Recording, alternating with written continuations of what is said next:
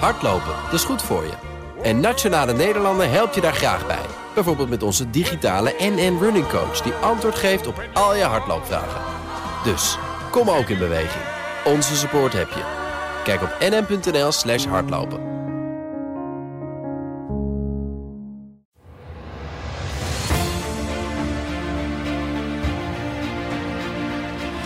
Als je als adviseur gefrustreerd bent omdat er niet altijd gebeurt wat je wil, moet je geen adviseur zijn. Dus u bent niet gefrustreerd? Uh, absoluut niet. Dit is Project Binnenhof, de politieke podcast van BNR Nieuwsradio. Wat gebeurt er in de wandelgangen als niemand kijkt? Met Sophie van Leeuwen en Laurens Boven. De tiende podcast alweer.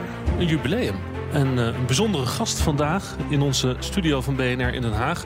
De oudste dame van de, het Binnenhof, de Raad van State.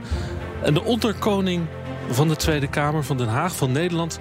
Tom de Graaf, de kerstverse vicepresident van de Raad van State, is persoonlijk hier aanwezig. Welkom. Dankjewel. Ik ben nog nooit aangekondigd als de oudste dame van het Binnenhof. Maar bij deze wel dus. Ja, 500 jaar bestaat de Raad van State. Bijna. Bijna. 1531, ja. ja. En eigenlijk gaan we deze podcast het hebben over paradoxen. Um, want om de, eerste even bij de, bij de hand te nemen. Je bent eigenlijk de, de hoogste in rang. Als de vicepresident van de Raad van State. Als er geen koning is, dan bent u eigenlijk ons, uh, ben jij ons staatshoofd. En, maar je hebt tegelijkertijd het minste te vertellen aan het Binnenhof. Ja, ik denk dat alle twee de beweringen niet helemaal juist zijn. dat maakt het makkelijk. Want de eerste, wat je zei, uh, is niet helemaal waar. Het is als de koning buiten staat is om te regeren of uh, iets vredelijks overkomt, dan is er altijd nog een regent. Die is door de wet aangewezen. En als die regent er niet is, of men nog niet aan toegekomen is om die aan te wijzen, de wetgever, dan is de Raad van State degene die met het, het orgaan wat met het koninklijk uh, gezag wordt belast. En dan mag ik de handtekeningen zetten. Maar daarmee is het nog niet zo dat de vicepresident een eigen persoon dan plotseling koninkje gaat spelen. En wie is dan de regent? De regent in dit geval is eh, koningin Maxima. Die is door de wetgever aangewezen. Dus er moet wel heel wat gebeuren. Willen zowel koning Willem-Alexander als koningin Maxima niet in staat zijn te regeren. Dan is de kroonprinses nog geen 18 en dan. Ja. Maar dan duurt het maar een paar weken voordat de wetgever snel een nieuwe regent heeft aangewezen. Het is dus twee keer gebeurd, hè? Het is twee keer gebeurd. Eind 19e eeuw. Eind 19e eeuw, maar dat zegt al genoeg. Dat is maar als het voor orgaan als de Raad van State is dat natuurlijk eergisteren. Ja, jullie zijn in de 16e eeuw heel oud, heel eerbiedwaardig en daar past mijn leeftijd ook bij. Wat ik zo leuk vind hier, ik, ik, loop nu vier jaar rond op het Binnenhof en jullie zitten ook op het Binnenhof. Hè. De Raad van State heeft zijn kantoren tussen de Tweede Kamer en de Eerste Kamer in. Eigenlijk op de, op de vleugel uh, van het Binnenhof. Ja. Maar daar zijn jullie helemaal nooit. Nou, dat is niet waar. We zijn er uh, altijd elke woensdag. Want dan vergadert in ieder geval de afdeling advisering van de Raad van State in uh, een hele mooie officiële vergaderzaal op het Binnenhof. De raad als zodanig komt er ook bij elkaar. En er zit een deel van ons personeel. Toch wel. Ja, ja. ja want, jullie vinden het belangrijk. Hè? Want de Eerste Kamer die is een beetje, die, die wil graag die kantoren hebben waar jullie zitten. Maar het is voor jullie ontzettend belangrijk om op het Binnenhof je postadres te houden. Nou, niet alleen het postadres, er ook te zijn. Ook de vicepresident heeft daar een kamer. En daar zit ik wel eens. Mijn voorganger staat er ook wel eens. En dat heeft alles te maken met uh, de positie die je als Raad van State in het staatsbestel hebt. Ja. Dus dat is meer dan symbolisch? Dat is meer dan symbolisch. Dat is toch een beetje anti-kraak dat jullie daar zitten? Nou, dat nog net niet. Maar ik kijk wel altijd zorgvuldig wie er langs loopt vanuit de Eerste Kamer. Ja. ja? Nee, wij gaan uh, bij de verbouwing van het Binnenhof... Uh, zullen wij na de verbouwing naar een ander deel van het Binnenhof gaan. Maar de Raad van State en het Binnenhof blijven met elkaar verbonden. En dat voel, is al bijna 500 jaar. Maar voel je die, die historie, die traditie van die 500 jaar? Jazeker. De Raad van State is uh, belichaamt de continuïteit in de staat. En sinds uh, Nederland een democratische rechtsstaat is, laten we zeggen de afgelopen 150 jaar, uh, speelt de Raad van State ook een belangrijke rol in de checks en balances van zo'n democratische ja. rechtsstaat. In de adviesfunctie naar regering, naar de koning, naar de, de ministerraad, maar ook naar de beide kamers. Maar waar merk je dat aan dan, zo fysiek? Elke dag? Nou, het is niet zo dat ik fysiek elke dag denk... ik, word, dat ik, onder de last van uh, deze traditie mijn schouders afzakken. Dat niet. Overigens, ik huis hè, normaliter op een, in een heel mooi paleisje. Het paleis Kneuterdijk. De, het voormalige woonpaleis van koning Willem II en koningin Anna Palona uit de 19e eeuw. En dat geeft ook natuurlijk wel een historische verbinding. Het is dezelfde plek waar ik nu zit waar Thorbecke in de tijd uh, zeg maar de grondslagen van zijn herziening van de grondwet maakte. Die werkkamer. Uh, nou, ik zit geloof ik op de slaapkamer van ah. de toenmalige koningin.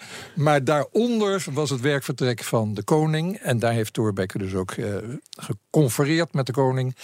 En die ene nacht die beroemd is geworden dat de koning Willem II van uh, conservatief in één keer liberaal werd, ja. dat is, heeft daar plaatsgevonden. En hoe is dat dan om dat als D66er te hebben? Want wat je nu allemaal vertelt, bij, bij in iemand als Donner, hè, Donner is een regentenfamilie, een regentengeslacht in Nederland, daar kan ik me dat soort gevoelens nog wel voorstellen. Maar bij een D66er die eigenlijk het staatsbestel wil opblazen. Nou, dan kent u mijn familie nog niet. Ja, uw vader was ook burgemeester. Hij heet wel de Graaf. En, en ook Kamerlid. En ook Kamerlid, ja, ja, ja, nee. nee, alle gekheid op een stokje. De, um, de politieke achtergrond hoeft, en dat is verschil met mijn voorganger, absoluut. Maar hoeft niet te betekenen dat de een gevoel voor historie heeft en de andere niet. Integendeel, de parlementaire historie is altijd een beetje mijn, mijn vakgebied geweest. Ik ben daar erg gevoelig voor, wat niet wil zeggen dat je niet ook kunt streven naar vernieuwingen. Maar dan onder uh, het uitgangspunt je moet vernieuwen wat nodig is en behouden wat mogelijk is. En is dat ook inderdaad in dit jaarverslag, wat deze week is gepubliceerd, wat, dat wat u beoogt? Toch vernieuwen van die oude dame? Nou, die oude dame, die, uh, als die nog heel lang wil leven, en dat is wel de bedoeling met de Raad van State, dan zal ook af en toe aan de Raad van State onderhoud nodig zijn. En dat betekent dat je steeds moet denken: wat vraagt de moderne samenleving, wat vraagt de moderne uh, politieke democratie van een instantie als de Raad van State? Wij willen uh, niet alleen maar aan het eind, hè, zoals dat in de wet staat, een officieel advies uitbrengen. Als uh, de ministerraad over een wetsvoorstel heeft besloten, maar voordat het naar de Kamer gaat, wil ik zorgen dat we niet te laat zijn, omdat de politieke deals zijn gesloten. Ja. Maar dan moet je kijken of er andere wegen zijn binnen de marges van de wet om je invloed uit te oefenen, je advies te geven. Daar komen we zo meteen verder op terug. Uh, eerst even het, het begin dus wel grappig trouwens. Eh, jij zei net u tegen mij. En dan ga ik zelf zitten ook zitten twijfelen of ik nou u moet zeggen. of, of zeg gewoon je, maar ik ben natuurlijk erg onder de indruk van deze studio. en van de journalist dat ik zomaar geneigd ben om u te zeggen. Ja, ja ik ben natuurlijk ook een beetje onder de indruk van de titulatuur vicepresident. Dat is natuurlijk ook. Uh, goed dan, je. Um, in het najaar, november, begonnen daar. Uh, de, ja. de, de, eerste werkdag. hoe gaat dat? Hoe, hoe kom je binnen? Wat tref je aan? Daaraan gaat vooraf al een aantal maanden dat ik eh, veel binnen ben geweest. Want ik werd al in juni benoemd. Met handtekening van de koning eronder. Dus dan heb je een maand of vier, vijf om je een beetje in te werken. Ik deed nog eh, maar gewoon mijn normale werk. Is dat dan ook een sollicitatiegesprek met de ja, koning? Nee, niet met de koning. De koning heeft me wel beëdigd. Maar het sollicitatiegesprek wat, was met de ministers van Binnenlandse Zaken en van Justitie en Veiligheid. En met een paar hoge ambtenaren erbij. was een serieus uh, sollicitatiegesprek. Met meerdere kandidaten en ik ben daar als eerste uitgerold. Ja. Maar goed, na de, uh, dus voorafgaand aan 1 november heb ik al de nodige gesprekken op de raad gehad. Ik heb ook een aantal dagen meegelopen met zittingen van de afdeling bestuursrechtspraak. Om ook wel een beetje meer gevoel te krijgen. ik ben een echte staatsrechtman met een politieke achtergrond. Maar er zitten natuurlijk ook heel veel staatsraden die echt rechter zijn. En dat is van elkaar gescheiden. Maar ik ben als vicepresident verantwoordelijk voor de hele organisatie. Dus ik wilde ook wat meer feeling krijgen hoe dat bij de afdeling bestuursrechtspraak gaat. En dan kom ik op 1 november uiteindelijk binnen. En ik word zeer hartelijk welkom geheten door uh, alle medewerkers met een bijeenkomst in de gotische zaal, de grote zaal die we hebben bij de Raad van State, ooit nog gebouwd door koning Willem II. En uh, ja, dan hou je je eerste praatje en de eerste koffie en een taartje erbij. En dan ga je gewoon aan het werk. Ja, ik, ik, ik zit toch een beetje. De, de, de, naam van de koning is nou toch wel heel vaak gevallen. Dat is wel grappig, want dan bij jullie daar aan, op de Knuitendijk is dat dus kennelijk echt aanwezig. Want hier op het Binnenhof verder niet. Nou ja, wij wonen, wij huisvesten onszelf in een voormalig koninklijk paleis. Dus ja, logisch dat er af en toe over de koning wordt gesproken. Daar gaat het over koning Willem II, want die woonde daar. De andere zijn opvolgers niet meer. Komt hij eigenlijk wel eens, Willem-Alexander? De, koning, jawel, de koning is voorzitter van de Raad van State. En dat betekent dat als hij dat zou willen... Uh, hij de vergadering van de Raad kan voorzitten. Dat doet hij overigens alleen maar bij zeer bijzondere uh, situaties. En ik kan nu wel verklappen welke dat zijn. Dat is het afscheid van de vicepresident. Die heeft de koning, koning Willem-Alexander, zelf voorgezeten. Het afscheid van mijn voorganger.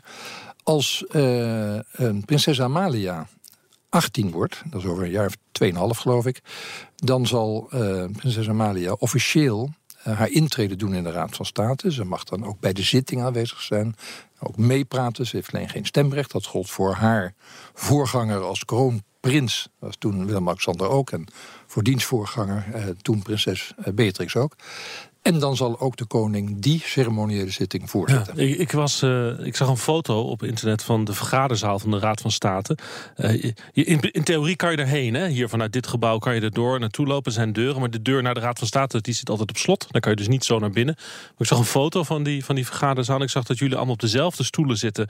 Als ook de ministers hebben als ze in de Tweede Kamer zitten. En de Kamerleden. Alleen ze zijn uh, bruin hè, van kleur. Niet blauw, maar bruin. Ja. En, en er stond één hele grote stoel. Een oude zetel en, en, dat is de stoel van de koning? Ik kan u nog een geheim verklappen. Dat was uh, de stoel die vroeger wel werd gebruikt, ook uh, door koningin Beatrix. En dat is een, overigens een oude admiraalstoel. Ik weet niet waarom hij er eigenlijk daar lang in heeft gestaan. Maar de koning prefereerde de stoel die ook speciaal ontworpen is toen deze zaal werd ontworpen. Dat is een net zo comfortabele stoel als ah. wel allemaal. Alleen met een iets hoger rugleuningje. dat is geen troon, of soort troon. dat is geen troon, maar het is wel duidelijk de voorzitterstoel. En de vicepresident zit daar ook nooit in. Als ik de vergaderingen leid, zit ik nooit in die stoel. Ja. In een stoel die daar uh, links van staat. Die ook een heel klein verhoging heeft in de leuning, maar niet zo hoog als de koning. En hoeveel contact heeft u nou dus niet alleen met de koning, maar met de ministers, met de, de machtige vrouwen en mannen hier op het Binnenhof? Kopjes koffie achter de schermen. Een beetje, een beetje het geheim van, uh, van de Kneuterdijk. Dus daar ga ik ook niet zoveel over vertellen. Maar ik spreek de koning wanneer hij dat nuttig vindt. Uh, of wanneer ik dat nuttig vind, dan vraag ik belet. En uh, minister en staatssecretaris, daar heb ik contact mee. Maar datzelfde geldt voor fractievoorzitters als dat nodig is. Ja, dus regelmatig uh, Met een zekere regelmaat. Nee, het zijn geen achterkamertjes. Ik geef u een voorbeeld van een recent gesprek... wat ik heb gehad met de minister van Financiën... samen met twee staatsraden. En dat gaat over de voorjaarsrapportage van het begrotingstoezicht... wat de Raad van State uitoefent op grond van afspraken... die in Brussel zijn gemaakt, het Groei- en Stabiliteitspact. Daar brengen wij een rapport uit, een conceptrapport. En dan krijgt de minister van Financiën namens het kabinet de gelegenheid om erop te reageren. En dat doen we eerst door een gesprek. En als dat gesprek heeft plaatsgevonden, dan wordt opgeschreven wat de reactie van de regering is. Ja. Dus dat was afgelopen maandag. Ja, dat, dat soort gesprekken komen vaker Dus voor. voortdurend afstemmen met elkaar. Ja, wij zijn adviseur. En de vicepresident heeft zijn eigen rol daar ook nog in. Ook als een informele adviseur als dat nodig is voor uh, leden van de regering, maar ook voor uh, de koning. En dat betekent dat er contact is. Als je dat niet hebt, dan is de drempel om een advies te geven ook vrij hoog. Waarom eigenlijk? Waarom is dat advies eigenlijk nodig? Dat moet in de eerste plaats vragen aan degene die het advies willen hebben. Maar de rol van de Raad van State in staatsbestel is altijd geweest een beetje een trusted advisor. Dus als er eens even een second opinion nodig is, even nadenken, is dit wel een goede, een goede methode, een goede weg, dan kan de regering ook vragen aan de Raad van Staatsorgaan, de afdeling advisering bijvoorbeeld, of wij daar iets over willen zeggen of op papier willen zetten. Dan vragen ze een voorlichting. Het kan ook zijn dat men informeels aftast. Het kan ook zijn dat ik van mijn kant, ook namens de Raad, maar ook gewoon uit eigen beweging zeg, ik wil toch even deze opmerking maken. Even ja, maar is dat democratisch? Want u, ik ga toch u zeggen, want u zegt ook u tegen mij. Dan ja, sorry, dat kan ik er niet uitrammen. nou, is dat we proberen. U bent een democraat, dus is dat, is dat democratisch, zo'n Raad Ja, want de Raad van State is geen machtsorgaan, dus een adviesorgaan. En als we zouden afspreken in dat adviesorganen mogen zich überhaupt nergens over uitlaten, dan heeft het geen zin die adviesorganen te hebben. Die adviesorganen zijn er nou juist om degene die echt de macht uitoefenen, regering, Staten-Generaal, beide kamers, om die optimaal te voorzien van informatie en adviezen. Mhm. Maar zij moeten beslissen wat ze ermee doen. Ja. En zij leggen ook verantwoording af over wat ze ermee hebben Maar ik heb u wel horen zeggen eh, bij de presentatie van het jaarverslag: ik wil ook graag proactief advies geven. Ik wil eigenlijk meer ongevraagd advies geven. Ja, en dat mogen we ook. Daar geeft de wet ook de mogelijkheid voor. Dus je kunt ook ongevraagd advies geven. Omdat we dat nodig vinden. We kunnen ook uh, zeggen tegen de Eerste, de Tweede Kamer en leden van de regering. Uh, wij denken dat dit onderwerp erg interessant is. Dus uh, als jullie daar voorlichting over vragen aan ons, zijn wij van harte bereid er iets over te zeggen.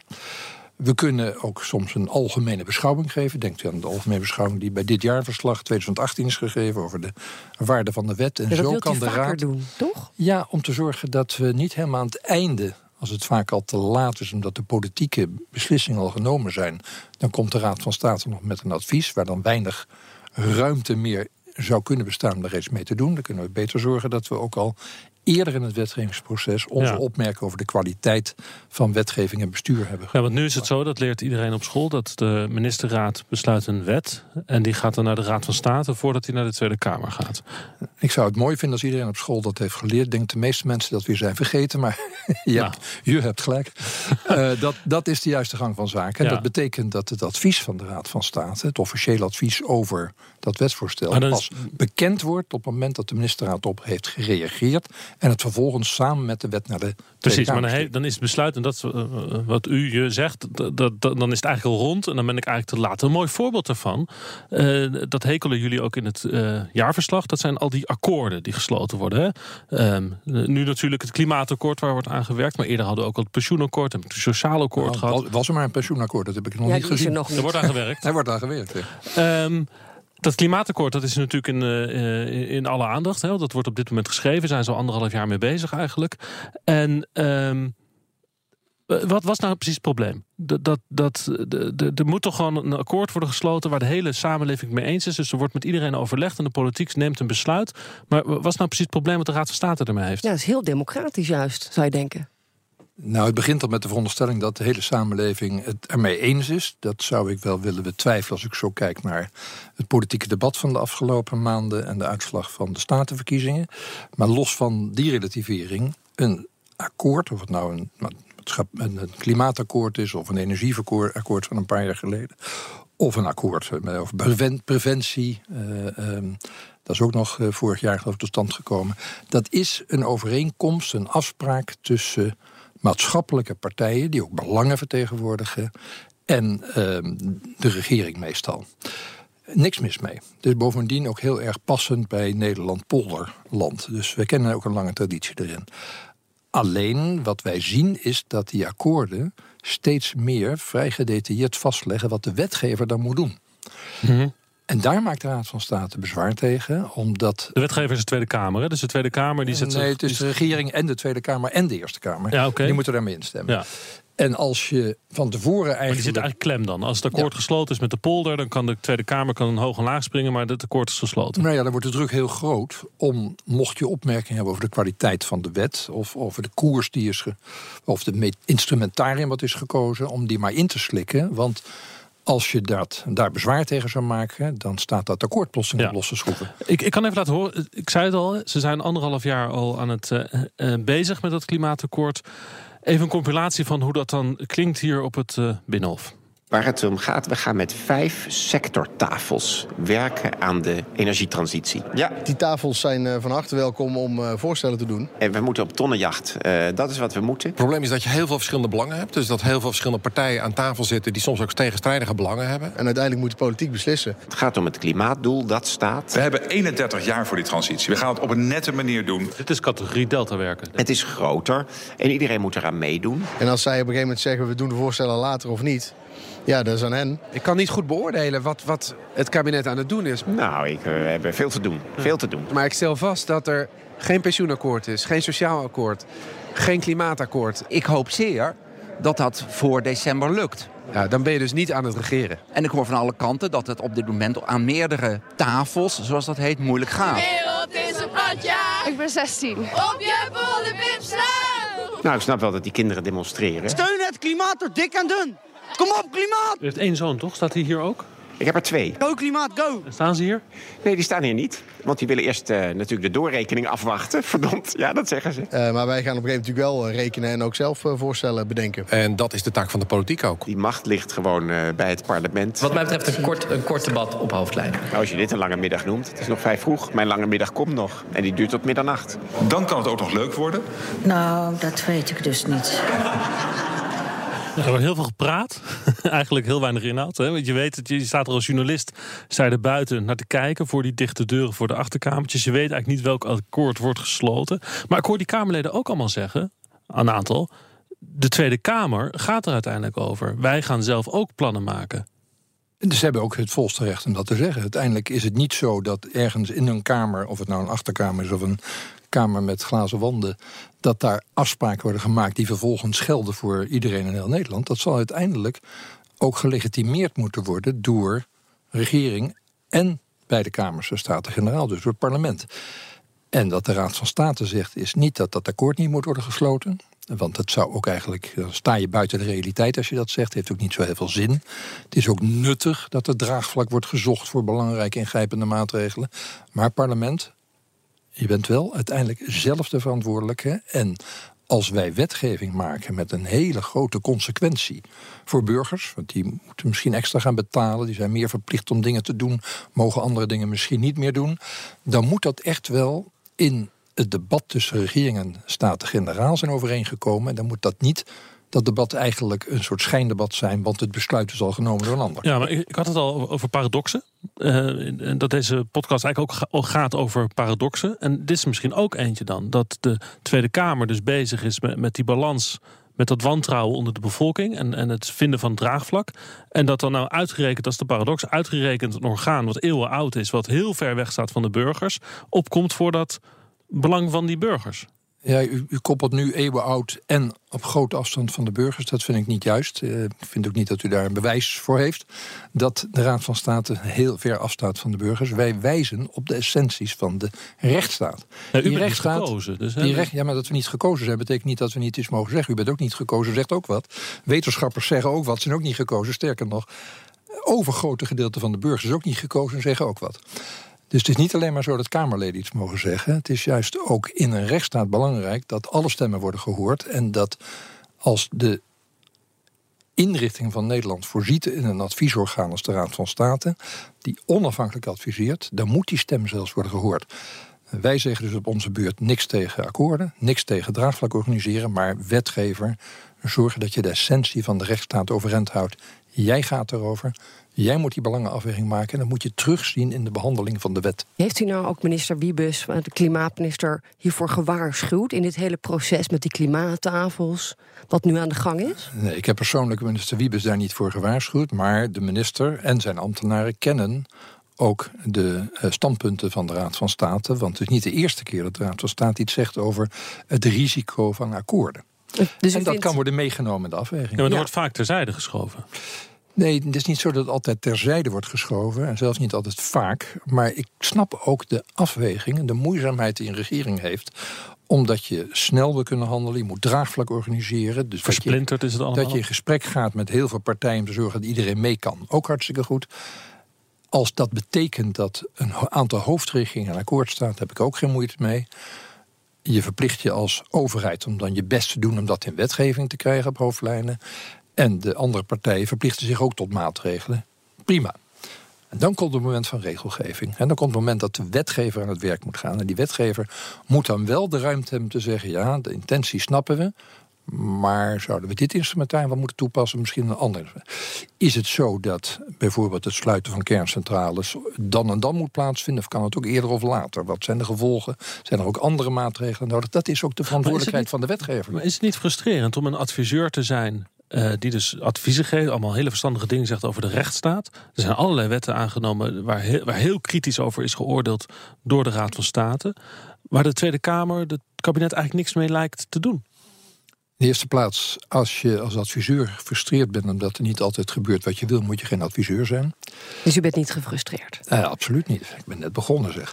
Maar uh, los daarvan, uh, de, de, de Tweede Kamer en de regering uh, die kunnen soms wel niet alles overnemen wat de, eerste, tweede, wat de Raad van State adviseert. Vaak zie ik dan het debat terugkeren in de Eerste Kamer. Ik ben ook zelf zeven jaar lid geweest van de Eerste Kamer. En daar is het oordeel van de Raad van State wel van belang. En dat wordt ook vaak in het debat ingebracht. Dus daar luisteren ze wel? Nou, ik zie dat ze ons advies heel goed lezen. Ja. ja dat is ook prettig. Ik zelf overigens ook toen ik Eerste Kamerlid was. Ik begon eigenlijk met de toelichting op het wetsvoorstel en daarna het advies van de Raad van State. En dan wist ik een beetje wat zijn nou echt de punten waar we over, goed over moeten nadenken. Nou, ik begin toch weer even over die paradoxen. Want de, de, de, de rechtsstaat viel al net, hè? de democratische rechtsstaat. Die notabene ontstaan is in, het, in, in, in jullie kantoren. Met de, met de grondwet van Thorbecke. Um, en dat dan dat, dat ja, je eigenlijk zou verwachten dat de ja, hoe moet ik dat nou uitdrukken? De, de, de, de, ik vind de Raad van State is, is niet een orgaan wat ik direct in verbinding breng met de rechtsstaat. Bijzonder, want dan, eh, kijk, de, Raad van State heeft geloof ik een, um, een bekendheid, wat ongeveer op 97% ligt in Nederland. Oké. Dat is ongeveer even groot als Johan Cruijff. Eh, veel mensen weten niet precies wat we doen, maar het is wel, daar spreekt wel een, een vanzelfsprekendheid en misschien ook wel vanzelfsprekend vertrouwen uit. Juist vanwege het feit dat wij, zoals iemand wel eens heeft gezegd, een soort slaperdijk voor de rechtsstaat zijn. Wij waarschuwen, Een maar een slaperdijk, iets wat een beetje de hoge golven kan, kan doen, eh, doen verminderen. Hè? Daar slaan die hoge golven een beetje tegen, tegen kapot.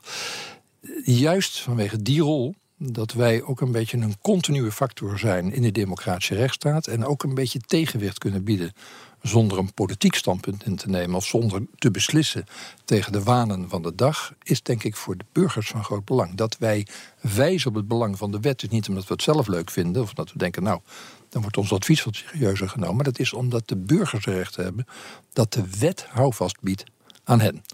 En de wet betekent dat het met instemming van hun volksvertegenwoordigers gebeurt. Dat is die essentie van de rechtsstaat. En die worden dus eigenlijk te veel genegeerd. Zegt u ook de oppositie in de Tweede Kamer? Nee, maar het gaat maar niet over oppositie en coalitie, want uiteindelijk beslist de meerderheid. En eh, dan kan de oppositie wel eens pech hebben, want die meerderheid anders beslist. Dat vind ik niet het punt. Het punt is dat veel eh, wetgeving eh, eigenlijk niet meer door de wetgever wordt vastgesteld, maar door de regering, door eh, individuele ministers. Eh, dat is één punt. Hè. We hebben kaderwetten, we hebben open normen. Of dat wetgeving eigenlijk al gebonden is, zie die akkoorden, voordat het in de Kamers aan de orde komt. En u ziet een groot wantrouwen, of daar, daar waarschuwt u voor eigenlijk, hè, in de samenleving. U verwijst net naar de verkiezingsuitslag in maart. Wantrouwen ook over klimaat. Dat is voor, volgens u het risico. Nee, want eh, er is een grote discussie over klimaat in dit land. En ik reageer op de gedachte dat heel Nederland het eens zou zijn met het klimaatakkoord. Dat zal niet het geval zijn en dat zal ook nooit worden bereikt, denk ik.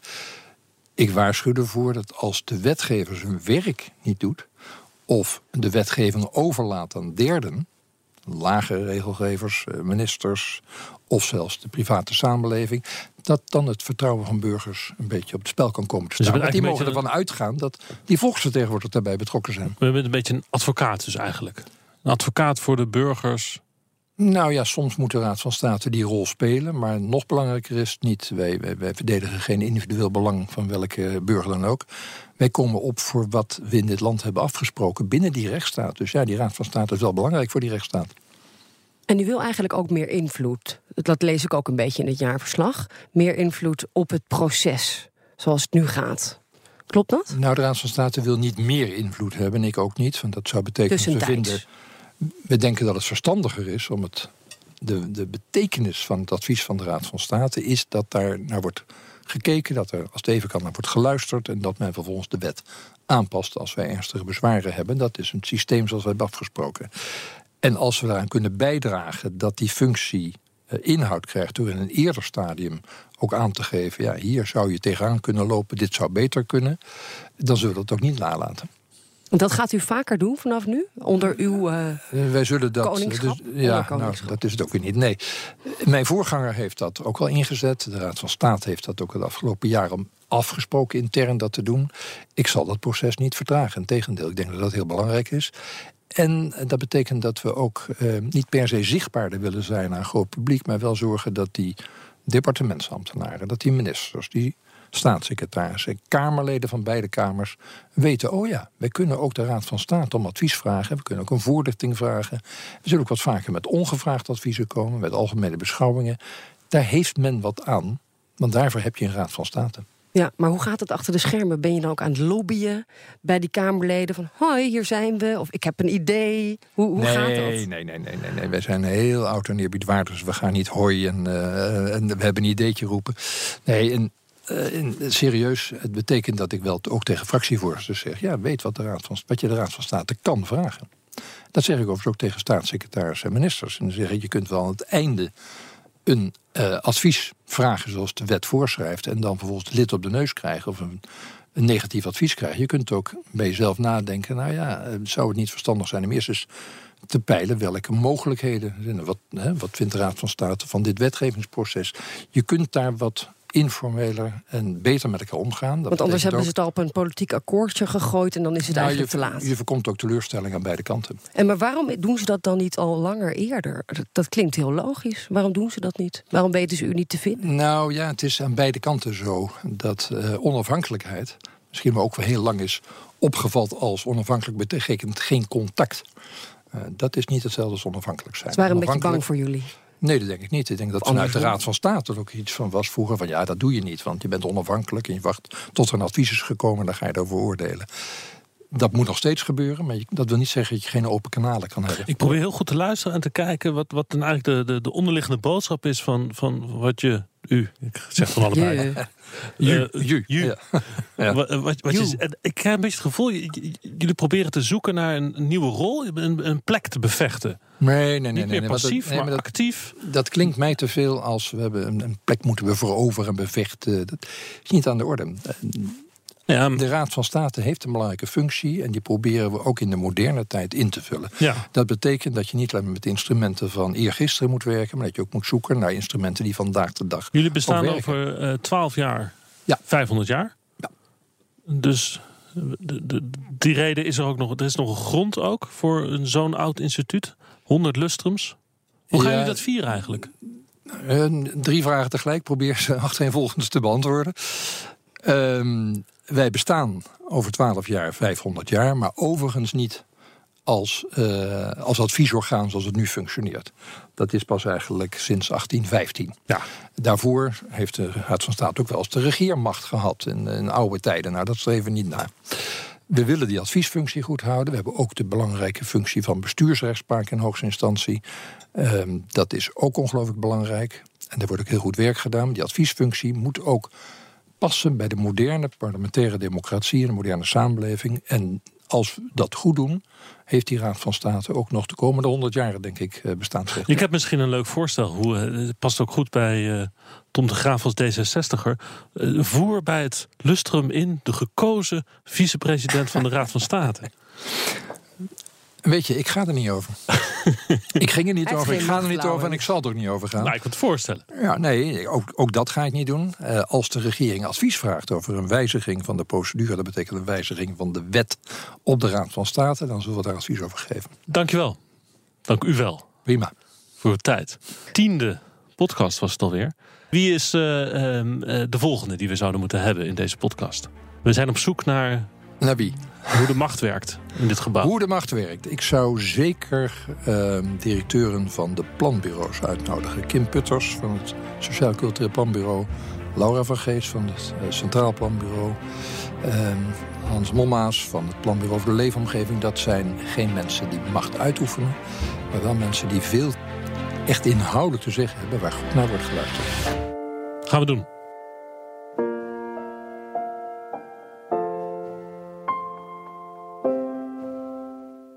Business Booster. Hey ondernemer, KPN heeft nu Business Boosters. Deals die jouw bedrijf echt vooruit helpen. Zoals nu, zakelijk tv en internet, inclusief narrowcasting... de eerste 9 maanden voor maar 30 euro per maand. Beleef het EK samen met je klanten in de hoogste kwaliteit.